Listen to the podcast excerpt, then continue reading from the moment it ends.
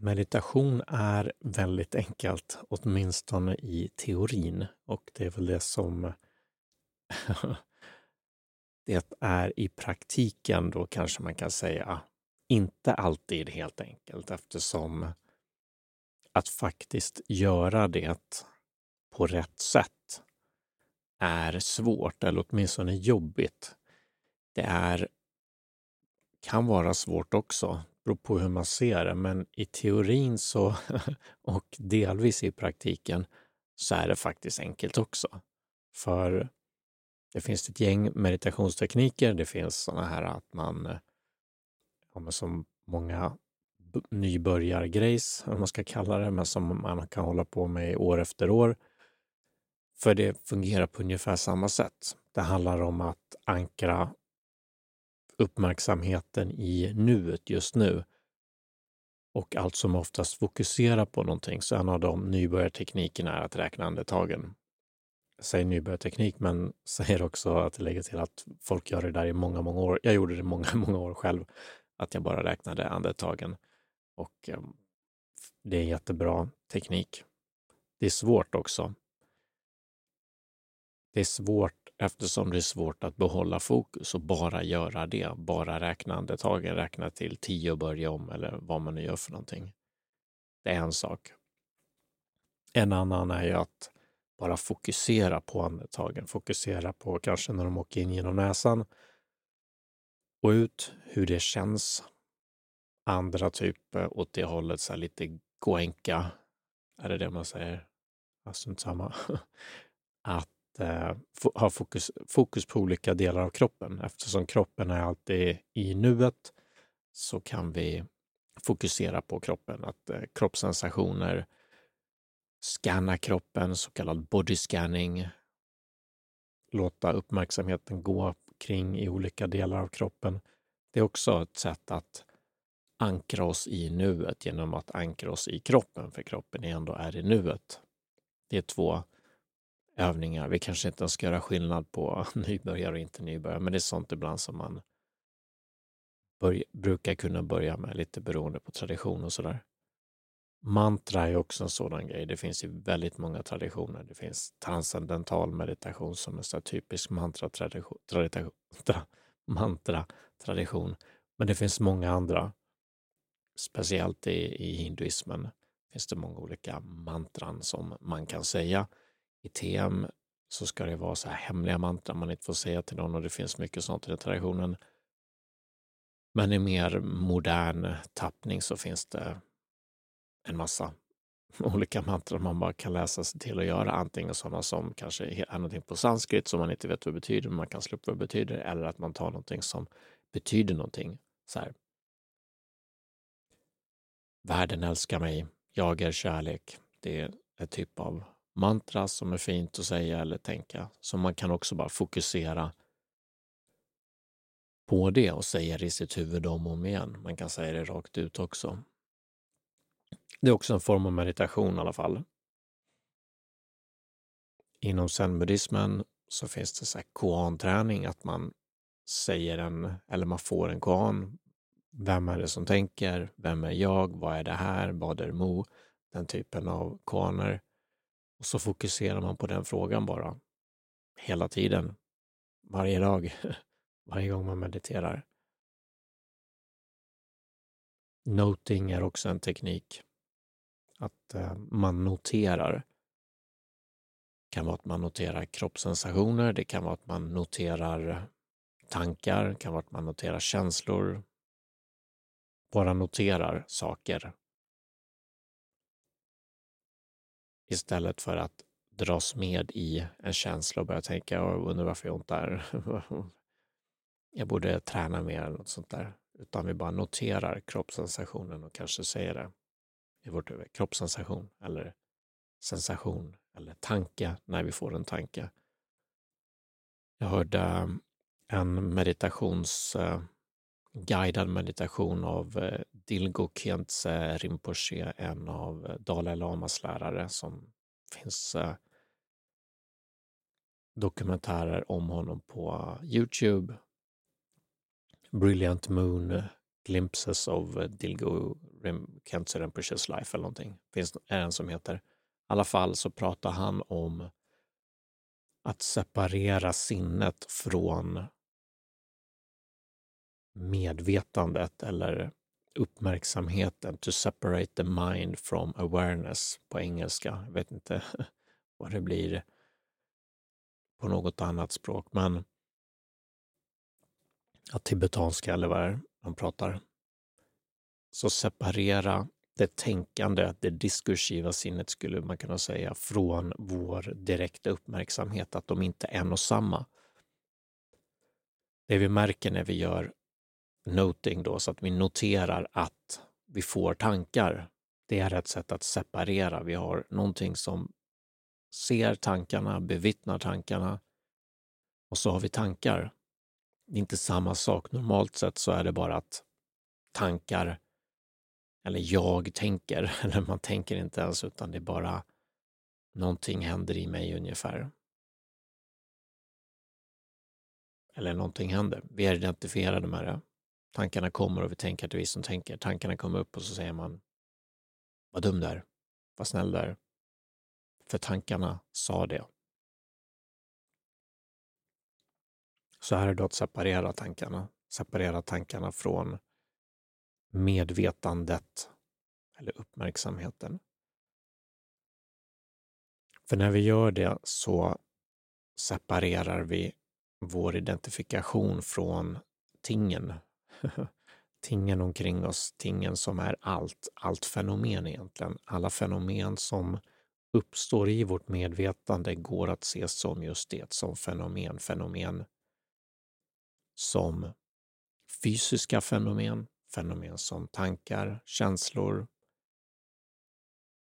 fantasier, rädslor. Det är en känsla. Allting är fenomen, men någonting bevittnar de fenomenen. Men vi är inte medvetna om vad som bevittnar normalt sett, utan vi bara tar det för givet, eller hur man ska, hur man ska uttrycka det. Inte ens att vi tar det för givet, det bara är så. Vi bara lever våra liv med en typ av identifikation med tankar, känslor, kroppen. Sadguru har den här meditationen att man sitter ner och säger jag är inte den här kroppen, jag är inte ens sinnet är nog det diskursiva sinnet, de tänkande tankarna, känslorna, den upplevelsen, den upplevelsen vi har bara som individer som gör det mer så här sannolikt, om man ska säga, att tänka att vi är individer. Bara, eller inte bara, men att vi är individer. Eftersom jag upplever de här känslorna och tankarna, det är jag. De är på insidan av mig. Men vad man kan upptäcka i meditation eller i det andliga sökandet andliga, på den andliga vägen, smala vägen, är att eh, när vi stannar kvar vid det här bevittnandet då, som är i mångt och mycket det som meditation går ut på, om man får säga så. Meditation går i slutändan ut på att vakna upp. så det är inte bara att bevittna, för i slutändan, eller vidare på vägen, så först behöver vi ta ett steg tillbaka. Dogen Senji brukade säga, en zen-mästare, att uh, doing sasen is taking the backwards step. Han pratar inte engelska, men det har översatts till engelska och det är så jag läste. Så att göra sasan är att ta steget tillbaka det är inte att gå framåt egentligen, utan att vi tar ett steg tillbaka. Vi skulle kunna tänka det som vittnespositionen. Vi kliver ur identifikationen. Kliver ur det vi trodde att vi var. Det är ett jaget. De tankarna, känslorna, kroppen igen. Inte som en så dissociation, men att se saker som de är egentligen. Man får alla, alla för själv avgöra hur saker egentligen är. Men det här är ett sätt, lite grann som någon som tittar i en kikare så ser man världen annorlunda. Planeter ser annorlunda ut eller jorden, det vi tittar på ser annorlunda ut när vi tittar på en kikare. När man tittar på saker i ett mikroskop så ser det också annorlunda ut än när vi håller i handen. Och när vi mediterar så ser vi också saker annorlunda än när vi inte gör det. För i vardagen så är vi upptagna, vi är uppfyllda av tankar, känslor, kroppen. Identifikationen då som man pratar om, jaget, egot, det narrativa självet, de självrefererande tankarna. Vi är fullt upptagna av det och meditation är då ett sätt att inse det och se igenom det. För när vi bevittnar någonting så är vi inte det. När jag tittar på min arm så tänker jag inte jag är handen eller jag är armen. Men på något sätt är det lätt att tänka att om jag är ändå kroppen, men var någonstans i kroppen är jag? Är jag, jag är inte armen, jag är inte foten, jag är inte benet, jag är inte i... Ja, vilken del man än tar. Många tänker att man antingen är kanske i bröstet någonstans, säger vissa. I vissa kulturer pekar människor på bröstet när de frågar var man är någonstans. I västerländska kulturen pekar många och tänker på huvudet. Man är någonstans i pallet, i hjärnan där. Men man kan titta på hjärnan precis som vi tittar på en hand. Man kan ta en liten del av hjärnan. Är vi där? Är vi i hypotalamus? Är vi i en del av prefrontal cortex eller något sånt där? Och gå igenom hela den och man hittar ju inte någon där heller. Det finns inget jag där. Inget, inget obeständigt, eller vad säger man? Inget beständigt själv. Så när vi bevittnar det så ser vi inget jag. När vi bevittnar jaget så hittar vi inget jag. När vi tittar på tankar så ser vi att vi inte är tankarna. När vi tittar på känslorna så ser vi att vi inte är känslorna. När vi tittar på kroppen så ser vi att vi inte är kroppen. Så var är vi någonstans? Ja, det är ju det som är koanen i zenbuddismen. Vem är jag? Vad är jag? Var är jag? Vem är det som tänker? De frågorna tar oss till oförstående. Som sen över tid kan bli en annan typ av förståelse. Prashna pratar man om ibland i buddhismen. En annan typ av visdom, icke-diskursiv, utan direkt erfarenhet, direkt upplevelse av varat av nuet, hur världen verkligen är. En sanna natur då som man kan komma till insikt om. Likt hur någon som tittar kanske i ett, eh, en kikare och säger så där ser faktiskt eh, månen ut. Jag har tittat noggrant på den på nära håll eller inte fysiskt nära, men i en kikare då. Eller någon annan säger så här ser bakterierna ut på riktigt. Vi har sett dem i mikroskopet och vi kan med meditation komma till insikt om att det här är vår sanna natur. Sant själv är icke själv, som de säger i, i zenbuddismen. Vissa i alla fall. Eller som de säger i viss eh, ja, men Advaita Vedaita, Advaita Vedanta i hinduismen, att eh, vi har ett litet själv, lilla självet, det lilla jaget, det diskursiva sinnet och så har vi det stora självet också, det stora jaget. Och det stora självet är vad som blir när vittnet bevittnat och sen löst, upplöst till att det inte längre finns någonting som vittnar om något. Det finns ingen som bevittnar och det finns inget som bevittnar, utan det är bara en sak. För så länge vi har ett vittne som bevittnar och något som bevittnas så är det såklart en eh, separation där också. Vi vill ju ha den först, för vi vill ha steget tillbaka, för tidigare så var vi förlorade i det, förlorade i fenomen. I slutändan så är allting samma sak ändå, så det spelar ingen roll, men om man vill, om vad man nu vill säga, det stora självet vill göra den upplevelsen eller om icke-självet vill göra den upplevelsen så behöver man gå tillbaka då först. Tendera behöver göra i alla fall. Ta det steget tillbaka, bevittna, göra de här meditationspraktikerna och över tid så luckras jaget upp. Identifikationen med de narrativa tankarna, känslorna och så vidare. Och så är man mer och mer inne i det här vittnet. Men över tid och som sagt så kan det gå så pass långt att även det här vittnet börjar luckras upp eller försvinner, faller bort. Det, även det nirvanar, upphör, utsläcks. Och då kan en typ av icke-dualism infinna sig eller en upplevelse av, även säga upplevelsen av enhet är ju såklart i kontrast mot tvåhet. Så orden får ju svårt att fånga de här sakerna. Vilket alla de här mystika traditionerna och meditationstraditionerna talar om också, att vi kan inte, kan inte riktigt beskriva det utan eh, vi har de här fingrar som pekar mot det.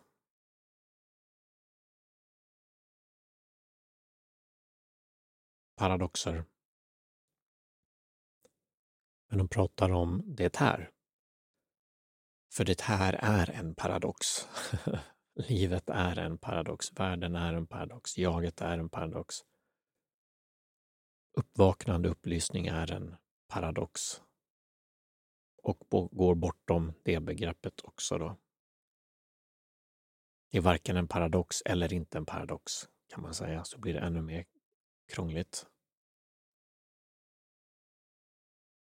Men det är det här. Det är det här som vi upplever just nu.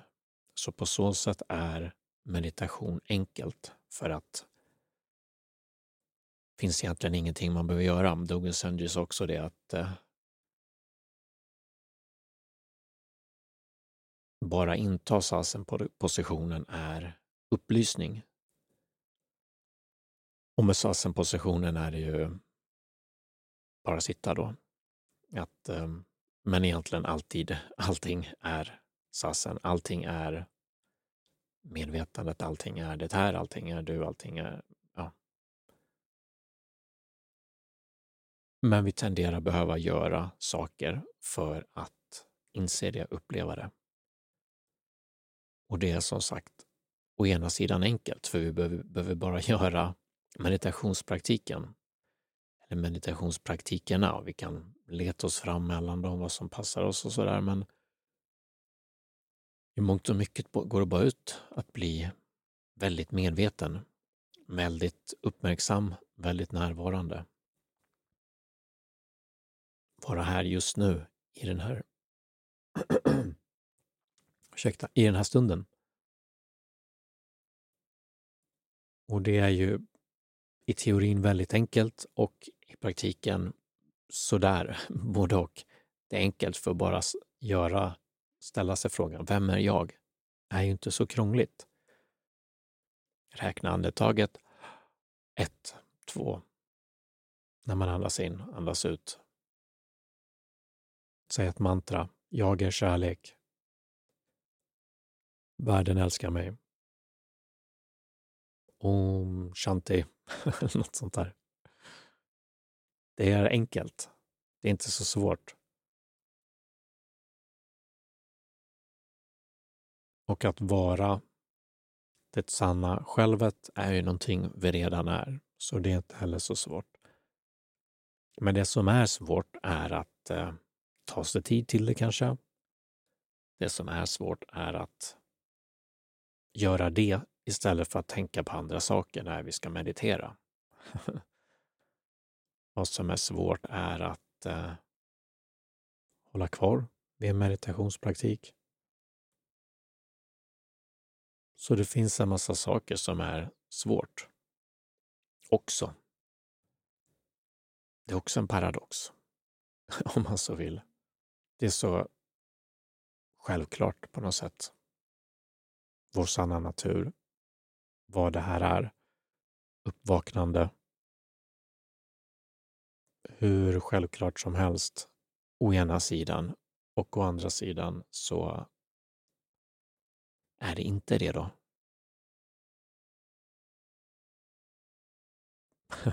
en sån där paradox som så mycket annat, som livet är, som kärlek är, som meditation är också då. Och man behöver såklart inte meditera om man inte vill det. Livet är livet i alla fall. världen är världen i alla fall.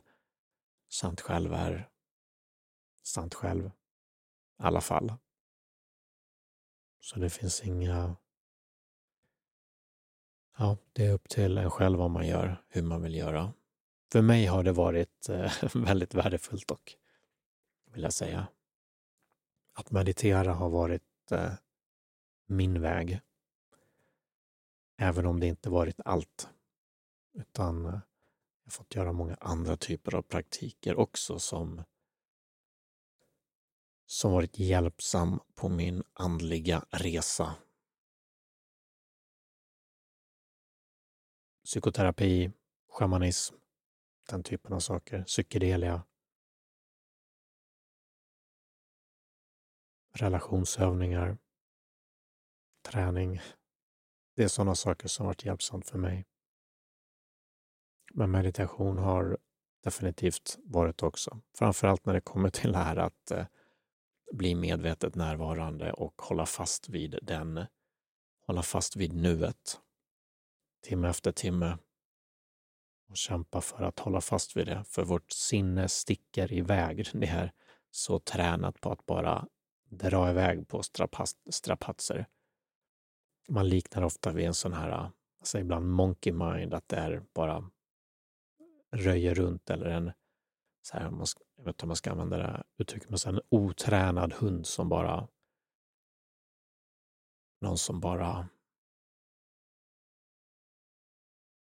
ja, men drar iväg, bara börjar skälla och flänger runt. Så är våra sinnen. Även om någon kan verka lugn och kanske är det och vi kanske fungerar väl i samhället.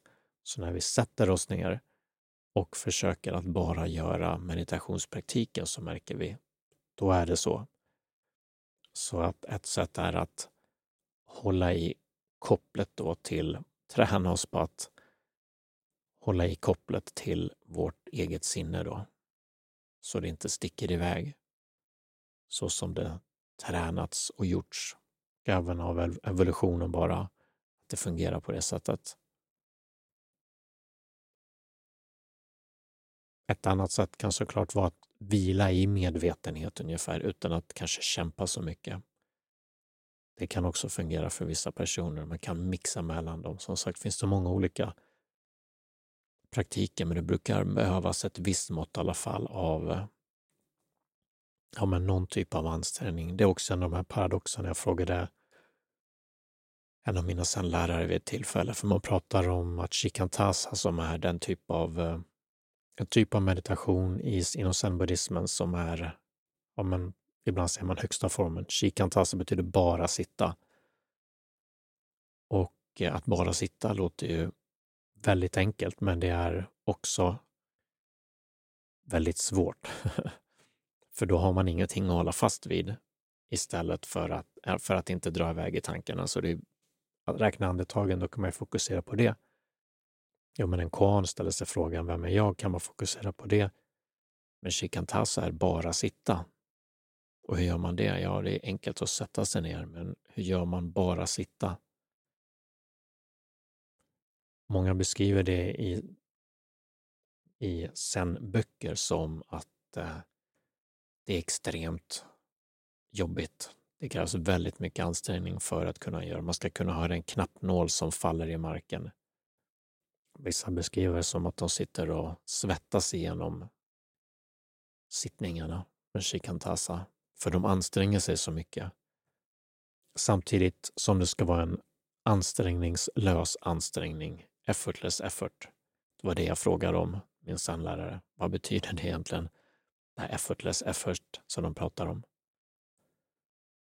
Kommer inte ihåg vad jag fick för svar, men att vi... Det kan krävas ansträngning, men om man så vill, vem är det som anstränger sig? Och vad händer när vi går in i den ansträngningen? Vi kan tänka i termer av flow eller flöde. När, när vi är fullt upptagna av någonting, men i det här fallet meditation, så försvinner tankar om jaget, tankar om självet, tankar om att det är jobbigt. Så det är inte att vi riktigt anstränger oss, kanske kroppen anstränger sig, men var är vi någonstans? Var är jag? Vem är jag? Det är inte det vi ska göra när vi käkar tassa, men, men eh, det är liknande. Vi förlorar oss i övningen istället för i våra tankar. Likt som någon som förlorar sig i att spela piano. Förlorar sig i det, eller någon som klättrar i berg, är i flow och är fullt medveten, fullt upptagen av det och har inga tankar på vad någon sa för tre dagar sedan eller vad han ska göra, eller hon, henne, ska göra någon gång i framtiden. Eller hur imponerade folk kommer vara efter att ha sett den där friklättringen. På samma sätt nu då, så kan vi förlora oss i nuet istället, i vårt sanna själv, genom att hänge oss åt praktiken då, eller övningen, meditationsövningen, eller vad det nu är för någonting vi gör. Kanske lyssna på musik och förlora oss i det. Det kan också vara en typ av meditation. Vad är egentligen meditation? Ja, det, det är också en bra koan, en bra fråga att undersöka. Vad är meditation? Jag minns också det vid något tillfälle att jag sa till min sandlärare att eh, jag har ingen aning om vad jag håller på med. Och då hade jag mediterat i, i många år och var på ett retreat. Jag förstod inte vad meditation var. Jag förstod inte vad det var jag skulle jag förstod inte hur jag skulle göra praktiken som jag höll på med. Och då sa han att det låter bra. det låter bra. För det vi söker går bortom det vi kan förstå. Vår sanna natur går bortom det vi kan tänka. Fisken upplever inte vattnet Vågen upplever inte havet. De där metaforerna. Vårt sanna själv. Vårt tänkande sinne är metaforiskt som en, den lilla fisken då, i havet. Och vårt sanna själv är havet eller vårt, eh, vår, vår individuella upplevelse eller vår upplevelse av individualitet är som vågen då på havet. Men vi är havet också. Det är inte att individen inte finns här, det är inte att kroppen inte finns. Det är att uh, identifikationen enkom med det är en typ av illusion då, som de säger, maya, som leder till massa lidande. Så när identifikationen slipper, släpper så mår vi lite bättre. Och bli mer närvarande naturligt. Det var det. Tack.